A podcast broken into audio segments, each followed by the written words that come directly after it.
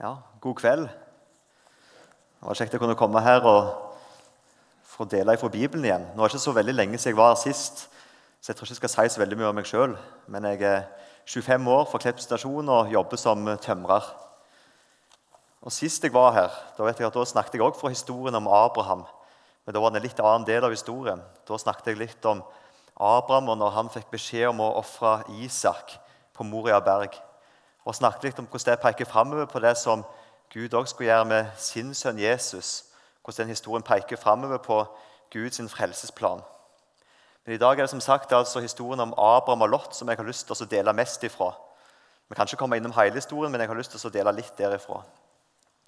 Men før jeg sier noe mer, så har jeg lyst til å be litt. Jesus, jeg takker deg for denne dagen så langt, og takk for alle som har kommet her i kveld. Kan du gi meg det jeg trenger når jeg skal dele for ditt ord? Og kan du gi hver enkelt her inne det de trenger i kveld? Jeg ber om at du kan vise oss noe i ditt ord, og at uh, ditt ord kan få virke, og, og, at det kan få skape frukt i, i livet til de som hører Jesus. Jeg ber også om at det må bli sånn at vi som sitter her, må få mer lyst til å lese ditt ord. Ja, Legge på alt i dine hender. Amen. Til å begynne med så vil jeg bare lese ett vers fra 1. Peters brev, kapittel 1, og så vers 23 der. Og Her står det, og det gjelder for oss som tror på Jesus For det er gjenfødt, ikke av forgjengelig, men av uforgjengelig sæd, ved Guds ord som lever og blir værende. Her står det altså om oss som er kristne, at vi har altså blitt gjenfødt, altså ved Guds ord, som blir kalt her for den uforgjengelige sæd. Som det som skaper liv, det som skaper åndelig, liv, det er altså det som står i Bibelen. Det er Guds ord. Så skal et menneske bli frelst, så trenger det altså å høre ifra, fra Bibelen. Og vi som allerede er kristne, vi som har blitt født på ny For vi ser det at vi kan ikke gjøre annet enn å søke tilflukt hos Jesus. Skal vi overleve som kristne, så trenger vi å, vi trenger å ta til oss av det som er av samme natur som det nye livet. For har vi fått tatt del i et nytt liv i Jesus, så har vi fått en ny natur. Og Den nye naturen trenger også næring som er av samme natur. Og Det får vi også ifra Bibelen. Og Da er det så godt at vi er samla sånn som dette her i kveld. At vi kan få lov å lese sammen i, Guds ord. For det trenger vi virkelig. Så nå I begynnelsen så skal jeg lese litt fra en historie som jeg leste i en bok for litt siden. Det er en, eh, kanskje en litt alvorlig historie, eller ikke en ja, litt mørk historie, kanskje. Og jeg, ikke, jeg tenker Det var lettest at jeg bare leser opp sånn som sånn som det sto i boka som jeg leste, så bare hør godt etter. Kanskje litt spesiell historie, men bare hør etter her. Den kjente norske forfatter Jakob B. Bull var fra Rendalen. Vokste opp på prestegården der. Ved den tid var det mye ulv i disse traktene. Fra barna husker vi sikkert ulveslaget, den mektige nattskildring han gir oss. I en av sine romaner forteller han om en bondeferd til byen en kald vinterdag. Man skulle av sted med varer til salgs, og så hente hjem ting bygda måtte, måtte få inn utefra. Og fordi det var ulveutrygt ved vinter langs øde veier og islagte vann, slo flere gårder seg sammen med en hest eller to fra hver. Denne gang var det et helt følge på hjemvei. Og det var alt blitt sent da følget la ut på den siste lange islagte vann før skogen mot bygda deres en måneklar og iskald senkveld. Og så, der midt ute på vannet, høres de første ul fra ulv inne ved skogkanten. Mennene i sledene våkner til. Hestene spisser ører og blir urolige. Ulene kommer stadig nærmere, der festet får labber i et lett tilfrosset snølag på isen. Hva gjør så sledene? Jo, sterke grep om tømmene fører hestene sammen og så i samlet sterk trav mot målet, skogkanten. Brede hover med skarpt stål hiver snø og isklumper bakover i sledene. Like sammenbitte ansikter uten ord. Bare holde sammen nå, kompakt mot ulveangrepet som nærmer seg. En vill og vintersulten horde. Et hivende trav for å berge mann og hest. Da skjer noe. En av sledene blir liggende etter kommer lenger og lenger akterut, mens den samlende flokk hiver seg videre mot mål. Da er det at ulveflokken oppgir forfølgelsen av det store følget og danner en ring om mann og hest som er blitt liggende etter. Begge ble ulvemåltid den natten. Husker at Som ung leste jeg noe av et gammelt intervju en avis en gang hadde med denne forfatteren. Der ble han bl.a. spurt om forskjellige tildragelser i bøkene, om de var sanne eller bare oppdiktet. Han ble også spurt om det jeg her har gjengitt, virkelig hadde hendt. Ja, svarte Bull og la til. Min far fortalte meg som gutt at bøndene som berget liv og hest den natten, sa seg imellom at mannen som omkom, hadde alltid stelt dårlig med sin hest, fått for lite mat, var mager og veik. Så i påkjenningen ble dyret, dyret liggende etter, og mannen sammen med sin hest. Så langt Jakob B. Bull. Så Her leser vi altså om en hest som hadde fått for lite mat. Men jeg tror også at det er en fare for at vi som kristne at vi som tror på Jesus, at vi kan få for lite mat. Og Da vil også kristenlivet bli vanskelig. Det som skaper tro også, og det som kan få trua til å vokse, det er også at vi tar til oss næring fra ordet. Så Jeg delte egentlig bare den historien her for å minne dere på disse tingene her. Vi trenger å høre fra Guds ord. Og Så håper jeg ikke at det blir sånn at dere føler jeg sier til dere at dere må lese så og så mye, for det kan vi høre igjen og igjen ofte på møtet, at du må lese i Bibelen. Men saken er at vi, vi, trenger å høre fra Guds ord, for det er også det som skaper liv. Vi trenger å leve nær kilden. Og Da passer det ganske fint å snakke om Abraham. For Abraham han kan man si, han var en mann som levde nær Gud. Han var en som levde i et rikt samfunn med Herren. Og Abraham han er også et forbilde til etterfølgelse for oss som også er kristne i dag. Mens Lot han kan man si, er nok mer et forbilde eller et bilde til advarsel. Så skal vi gå litt inn i historien om Abraham. Og Da vil jeg begynne å lese fra første Mosebok, kapittel 26. Kapittel 26 og vers 18. Og Dette her, det er vel egentlig etter livet til Abraham. Men jeg synes allikevel at det vi leser om her, det sier også litt om Abraham og måten han også levde på. Og Her står det i vers 18 om Isak, sønnen til Abraham.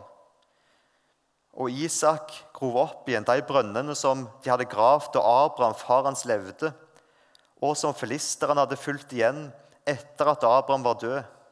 Og han ga brønnene de samme navnene som far hans hadde gitt dem. Abraham han bodde ganske ofte i området rundt Hebron. Han bodde også en periode i Bersheba og bodde litt på forskjellige plasser.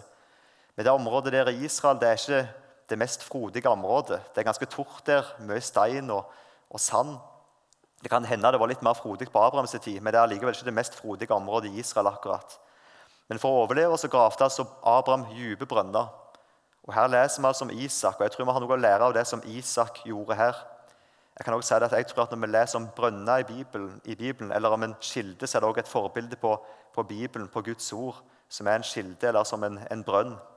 Og Her leser vi at Isak han gravde seg ikke nye brønner, men han gravde opp igjen de samme brønnene som Abraham hadde gravd da han levde. Og Han ga dem også de samme navnene som de hadde fra før av. Og så leser vi også her at Filisterne hadde tetta det igjen. altså Fienden hadde altså tetta igjen brønnene som Abraham gravde. Og jeg tror at Her i Norge, her som vi har hatt kristne folk før oss i lang tid bakover, så er det vært mange før oss som har gått før oss, som har gravd dype brønner i Bibelen, i Guds ord. Og Det har blitt til velsignelse for mange, og for oss som lever i dag. Jeg for min del har fått vokst opp i en kristen familie og hatt folk som har gått før meg, som har brukt tid med Guds ord, og som har delt det videre med meg. Og Det er jeg glad for. Men så tror jeg at fienden òg prøver å tette igjen de brønnene som har blitt gravd. Fienden vil ikke at vi skal høre sannheten fra Guds ord. Han vil heller ikke at vi skal tro på det som Bibelen sier. Så jeg tror at Det vi trenger i dag, det er ikke å nødvendigvis prøve å finne på en ny måte at folk skal få møte Jesus på, men folk trenger å få møte Jesus gjennom det som står i Bibelen. Jeg tror at Hovedproblemet i dag det er ikke at vi er så lite kreative. Altså Grunnen til at det går gale veien i Kristen-Norge, det er, vi, det er ikke at vi sliter med å samle folk at vi ikke er kreative nok. Men jeg tror heller det er at vi stenger Jesus ute. Vi trenger å lære av Isak, som gravde opp igjen de brønnene som Abraham hadde gravd. Vi trenger å gå til, til, Guds ord. Når det er sagt, så har jeg ikke noe imot å nødvendigvis i seg selv å legge strategier for å nå ut til mennesker med evangeliet. Det kan være en god ting, men det er ikke der det må begynne. Det må begynne med kilden i livet sammen med Jesus. Så står det om den som grunner på Herrens lov, altså på Guds ord dag og natt. Det står om at han skal være lik et tre planta med rennende bekker. Det gir sin frukt i sin tid, og bladet på det visner ikke. Lever vi med Jesus, så vil altså frukta komme av seg sjøl. Det er ikke noe vi skal prøve å få fram på egen hånd, men det er noe som kommer ut fra livet med Jesus. Så skal jeg altså gå litt inn i historien om Abraham og Lot. Det som jeg da hadde tenkt å snakke mest om. Og Da vil jeg lese fra samme boka, første Mosebok, altså, og kapittel 13. Og Det skal jeg lese noen vers, fra vers 7 og så litt utover. Og Da er altså Abraham han er altså kommet til løfteslandet, til Kanas land. Og så bodde altså Abraham og Lot på samme plassen på denne tida. Her kan vi lese om når de måtte skille lag. Det var et trette mellom de som gjette fe åt Abraham, og de som gjette for Lot. Kananeerne, feresittene, bodde i landet den gangen. Da sa Abraham til Lot, 'Jeg ber deg, la det ikke være trette mellom meg og deg, mellom mine gjetere og dine gjetere. Vi er da brødre.' Ligger ikke hele landet fritt framfor deg? Jeg ber deg, skill lag med meg. Drar du til venstre, så drar jeg til høyre. Drar du til høyre, så drar jeg til venstre. Da så Lot seg ikring, og han så at det over hele Jordansletta, like til Soar, var rikelig med vann, som en Herrens hage, som landet Egypt. Dette var før Herren la Sodoma og Gomorra øyde. Så valgte Lot hele Jordansletta for seg. Lot drog østover, og de skildes fra hverandre. Abraham ble buende i Kanan, men Lot slo seg ned i byene på sletta. Så langt som til Sodoma flytta han teltene sine. Men mennene i Sodoma var vonde og synda grovt mot Herren. Jeg tror vi stopper der. Hadde vi lest videre, så kunne vi sett om hvordan Gud kom til Abraham og ga han løfte om det som var i vente for Abraham og den slekt som skulle komme etter ham. Men her leser vi altså om Abraham og Lot som måtte skille lag. Og jeg synes Det er fint å se om Abraham, og det sier kanskje litt om Abraham òg. Han var jo den eldste, han var jo onkelen til Lot. Men så ser vi allikevel at eh, Abraham lar altså Lot få velge først. Når de må skille lag, så lar Abraham Lot få velge området først. Altså, Vi kunne kanskje tenke oss at Abraham burde ha valgt først, siden han på en måte var den største og den eldste. Og så ser vi her at Lot han valgte den plassen som så, mest behagelig ut. Han valgte altså, han valgte altså sletta nede med Jordan i Jordandalen. Hvis dere har vært i Israel, så vet dere kanskje at i Jordandalen det er der Dødehavet. Og rundt i det området der der er det veldig tort i dag. Men når vi leste her, så så vi at på den tida her så var det altså en veldig frodig plass. Som en Herrens hage, står det her. altså. Og Der valgte altså Lot å reise av gårde. Der det så finest ut disse fine hagene nede der i, Jordansletta. Men det var òg en vond plass å være pga. det som foregikk i Sodoma og Gomorra. Jeg tror at Lot han er som sagt et, altså ikke et eh, forbilde til etterfølgelse.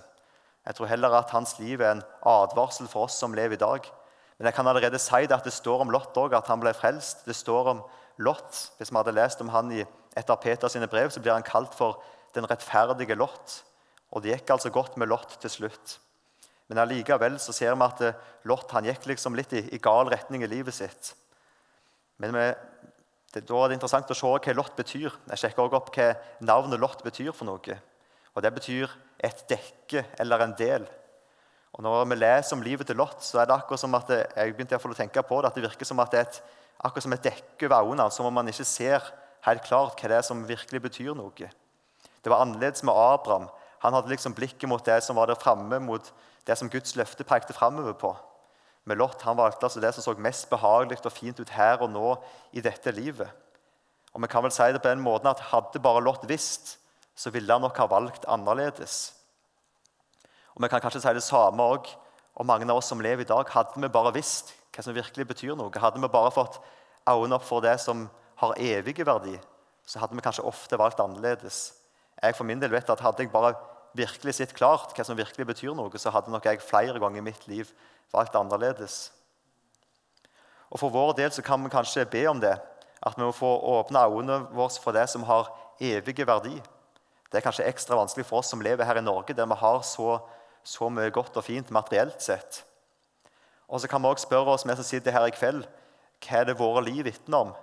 Vitner de om at vi har fått øynene for det som har evige verdi, og har blikket vårt på det? Eller er vi mer sånn som Lot? Jeg tror ofte vi er ganske like Lot. Hva vitner våre liv om?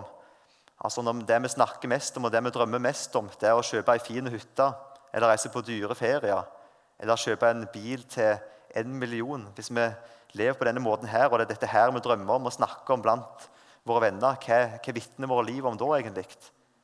Vitner det om at det, er de evige verdiene som er det viktigste? Nå skal ikke jeg komme her og stå her hele kvelden og si hva dere har lov til å kjøpe, eller hvordan dere skal bruke tid og penger på. For det er ikke det det handler om.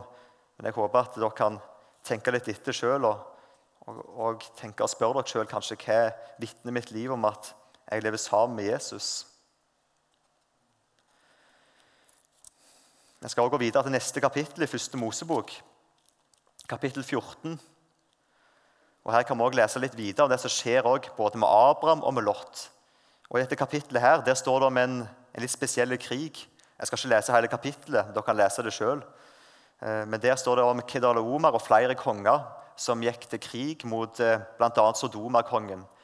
Og så leste vi også, Hvis dere la merke til de første de versene jeg leste i forrige kapittel, så står det om Lot. Når han kom til Sodoma, så flytta han teltene sine, eller han bodde da nærme Sodoma. Han flytta altså ikke inn i byen med en gang. Men når vi leser her i kapittel 14, så ser vi at Lot han kommer bare nærmere og nærmere Sodoma. Og her i kapittel 14 så bor han altså i Sodoma. Og I dette kapittelet her så kan vi lese om at Lot og familien hans de blir ført i fangenskap av Kedalomer og, og disse andre kongene. Og Da skal vi lese om det som skjedde videre. Eh, da kan vi lese fra vers 17 her i kapittel 14. Og Da kan vi lese om, når, om det som har skjedd. Ja, vi tar litt tidligere, hvis vi tar fra, fra vers 13. Da kom det noen flyktninger og fortalte dette til Abraham, altså at Lot hadde blitt bortført. Han bodde da ved Terabintelunden, som amoritten Mamra eide. Mamra bor til Eskolaner, og de hadde gjort ei pakt med Abraham. Da Abraham fikk høre at frenden hans var tatt til fange og bortført, mønstra han alle de våpenføre mennene som var født i huset hans, 318 i tallet, og sette etter dem like til dagen. Der delte han flokken sin og tok på dem om natta. Han vant over dem og forfulgte dem helt til Hoba, som ligger nord for Damaskus. Så tok han alt godset med seg tilbake. Frenden sin lott og godset hans førte han òg tilbake. Likeens kvinnene og folket. Da han vendte ende etter at han hadde vunnet over Kedolaomer og de kongene som var med han, gikk kongen i Sodoma ut for å møte han i Sjavedalen. Det er Kongedalen. Jeg vet ikke hvor mange som er klar over det, men det verset her der vi leser om Sjavedalen, det er første gangen i Bibelen der vi møter Kedrondalen.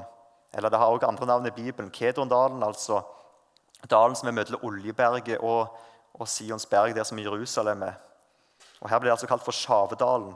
Og Sjave det betyr verdi. Og jeg kan si at Det som vi leser om videre her nå, det er av høy verdi, og det er ganske spesielle ting det står om her. Vi leser videre. Og Melkisedek, kongen i Salem, kom ut med brød og vin. Han var prest for den høgste Gud. Han velsigna Abraham og sa:" Velsigna skal du være av den høgste Gud, Han som eier himmel og jord. Og høglova være den høgste Gud, som har gitt fiendene i di hånd. Og Abraham ga han tiden av alt. Og kongen av Sodoma sa til Abraham, Gi meg folket, og ta du godset. Men Abraham sa til Sodoma-kongen, Jeg løfter hånda mi til Herren, den høgste Gud, Han som eier himmel og jord. Ikke så mye som en tråd eller ei skorem vil jeg ta av det som er ditt, så du, så du ikke skal si 'Jeg har gjort Abraham rik'. Litt spesiell historie, dette her. Og Her møter vi også denne nesten mystiske mannen Melkisedek, som vi også kan lese om bl.a. i Hebreabrevet, Nytestamentet og i, i Salme 110. Men ellers møter man ikke noe i historiene utenom her. Men her leser vi altså om Lot. Han ble bortført. Han bodde i Sodoma, han ble ført vekk i, i lenke. Men når vi leser historien om Abraham og Lot, så tenker jeg også at Lot han skal være glad for at han hadde en mann som Abraham rundt seg. For Abraham han var en mann som ble til velsignelse for mange. og Her leser vi også at Abraham og mennene hans de førte altså Lot vekk fra fangenskap igjen. Han var ført vekk i lenke, og Abraham gjorde han altså fri for disse lenkene her. Og da tenker jeg også For oss som er kristne i dag, så kan våre liv også ha stor betydning for de rundt oss. For det kan også hende at folk av de som sitter her i kveld, òg, at vi også kan være bundet av lenke. Det kan være som vi er ført vekk i lenker, det kan være mange ting vi sliter med i kristenlivet. Men da kan vi også bli til hjelp og til velsignelse for hverandre. Sånn som også Abraham ble til hjelp og velsignelse for Lot og fridde han ut fra lenkene som han var ført vekk i. Og så syns jeg det er fint å lese om det som skjedde med Abraham her. Han kommer altså tilbake her etter denne her krigen, og så møter han altså her eh, Melkisedek. Og Melkisedek peker jo veldig tydelig framover på Jesus. Nå Kanskje jeg kommer veldig inn på det som har med Melkisedek å gjøre. Men det står jo om Jesus, det står jo i en profeti at eh, det skal komme en, en som er prest til evig tid etter Melkisedeks vis. Og det er jo Jesus. Og Vi leser her at han kom altså ned fra Salem, det er Jerusalem. altså, Det hadde det navnet før. Og Han kom ned med brød og vin, og han velsigner Abraham. Og brød og vin, hva er det det taler om i Bibelen? Seinere i kveld skal vi jo ha nattverd. Og brød og vin det taler jo om Jesu legeme som ble brutt, og Jesu blod som rant for oss på korset. Det var altså det som Melkisedek kom og ga til Abraham etter han hadde vært i denne kampen. her. Og Så leser vi etterpå at Abraham han møtte Sodoma-kongen. Og Jeg skal ikke se vekk fra det at Sodoma-kongen også kan være et forbilde på vår fiende, på djevelen. Sodoma-kongen kommer iallfall uansett her og prøver å friste Abraham med, med, rikdommen i Sodoma. Han vil altså gjøre en avtale med Abraham, sånn at Abraham kan få, eh, få rikdommen for Sodoma. Så kan han få folket til, til, Abraham.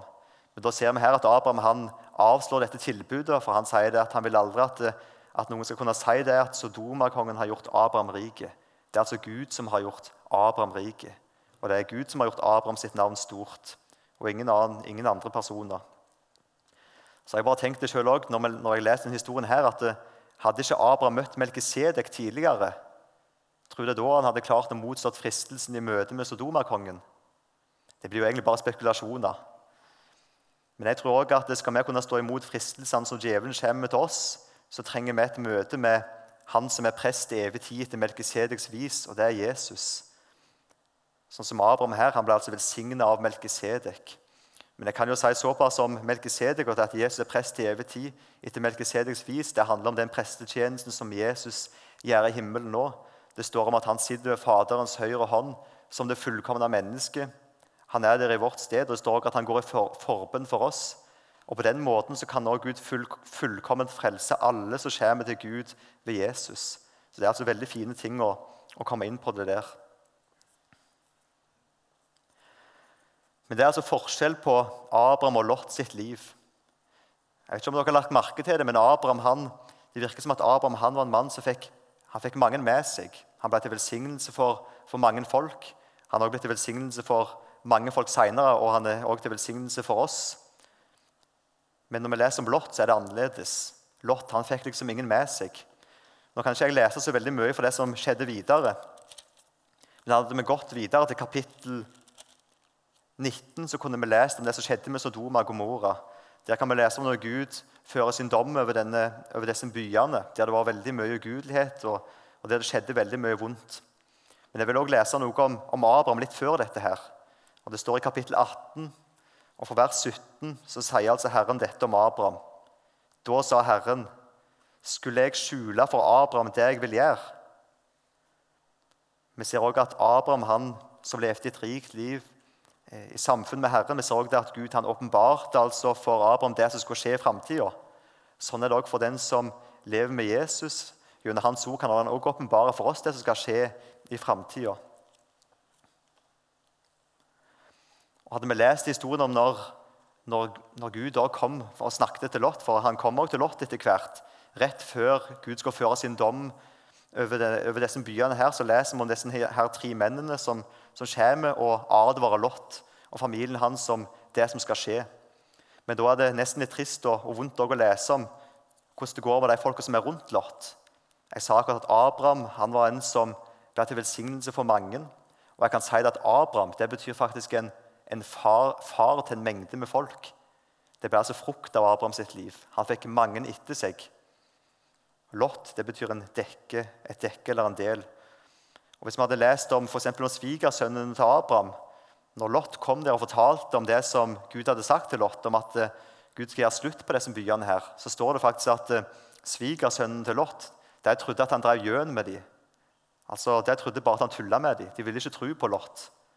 Og Så ble de altså igjen i byen, og dommen kom over byen. og De gikk jo altså fortapt. De gikk gale med dem. Og Vi kan også lese at Jesus også snakker om denne historien her, bl.a. i Lukas 17. Jeg vil faktisk lese det verset der. Lukas 17 og vers 32.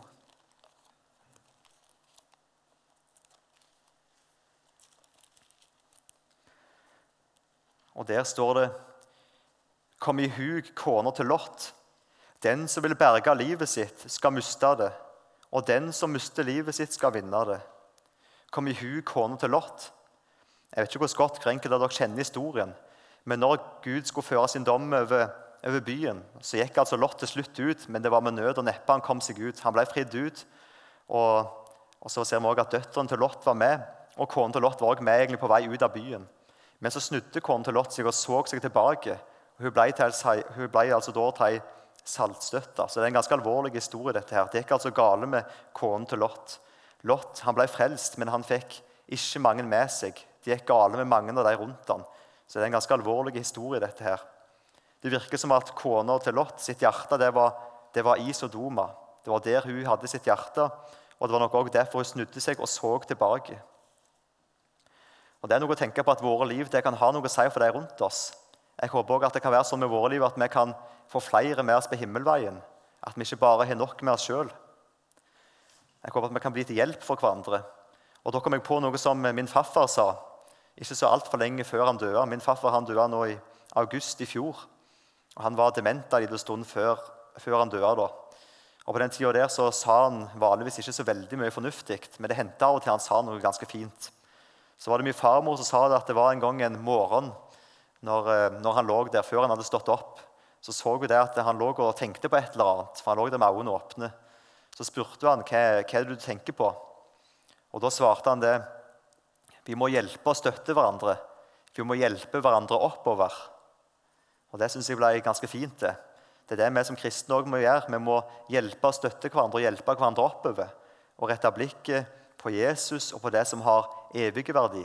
Sånn så Abraham han hadde også sitt blikk på det som har evig verdi. Og så vet ikke jeg hvordan du kjenner det nå etter alt det jeg har snakket om. Jeg snakket også og spurte også om hva vårt liv vitner om. Og så håper ikke jeg at dere kjenner det sånn at kristenlivet det handler om alt det vi skal gjøre, eller at vi skal prøve å få den rette måten å leve fram på i våre egne liv, i egen kraft. For det er ikke sånn det fungerer. Men Jesus han har gjort alt ferdig for oss. Vi må se på han. Og så er det sant for alle oss som tror på Jesus. Tror du på Jesus, så står du hellig og ren i han. Da er du satt i himmelen i Jesus, der han sitter ved Faderens høyre hånd, der han er prest til evig tid etter Melkisedeks vis, sånn som jeg allerede var inne på.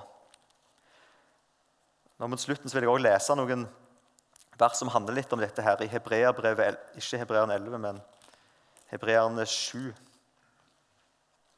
Her står det også om Jesus. Kanskje litt vanskelige vers å henge med i, men prøv å høre etter hva som står her.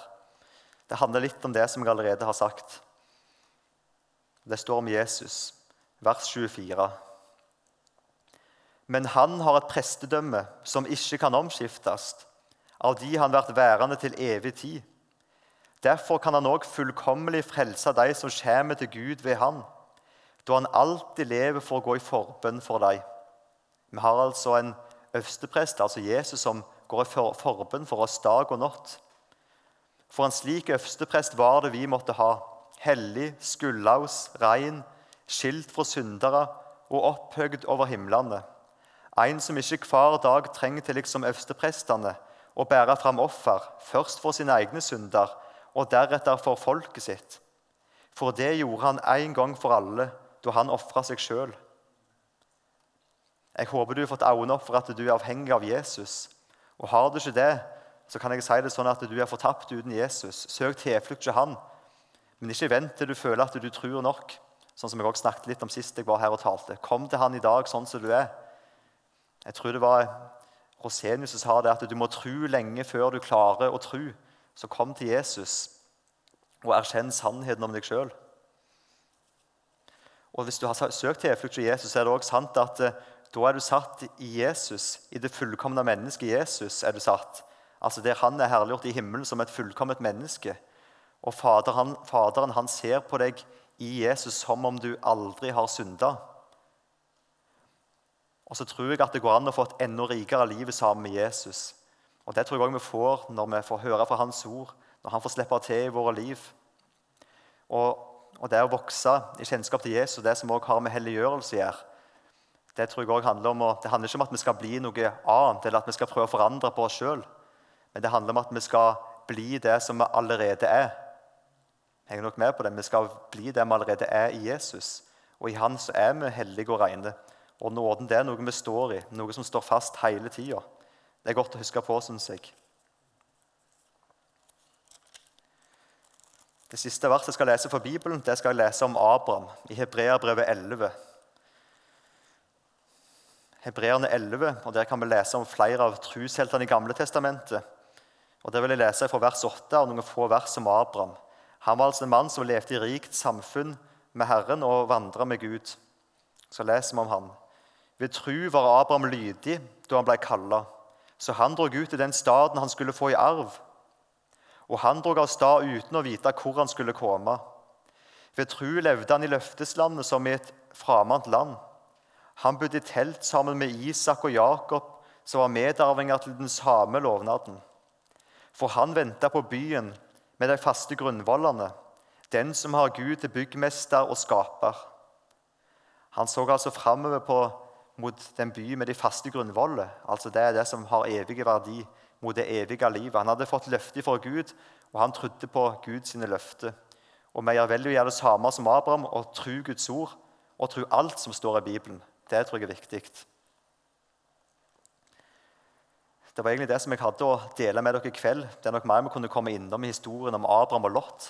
Men jeg vil bare anbefale dere alle sammen å sette dere ned og lese gjennom hele historien om Abraham.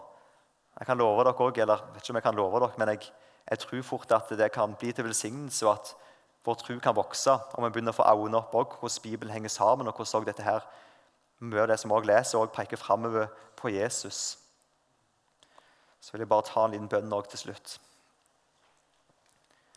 Jesus, jeg takker deg for ditt ord. Takk for det troverdig alltid sammen som står der. Takk for at du lever i dag, og du vil sørge for oss. Du har omsorg for oss. Takk for at du ser hver enkelt av oss i kveld, og hva hver enkelt trenger. Jesus, kan du òg ransake oss og vise oss de ting i våre liv som vil hindre deg i å slippe til.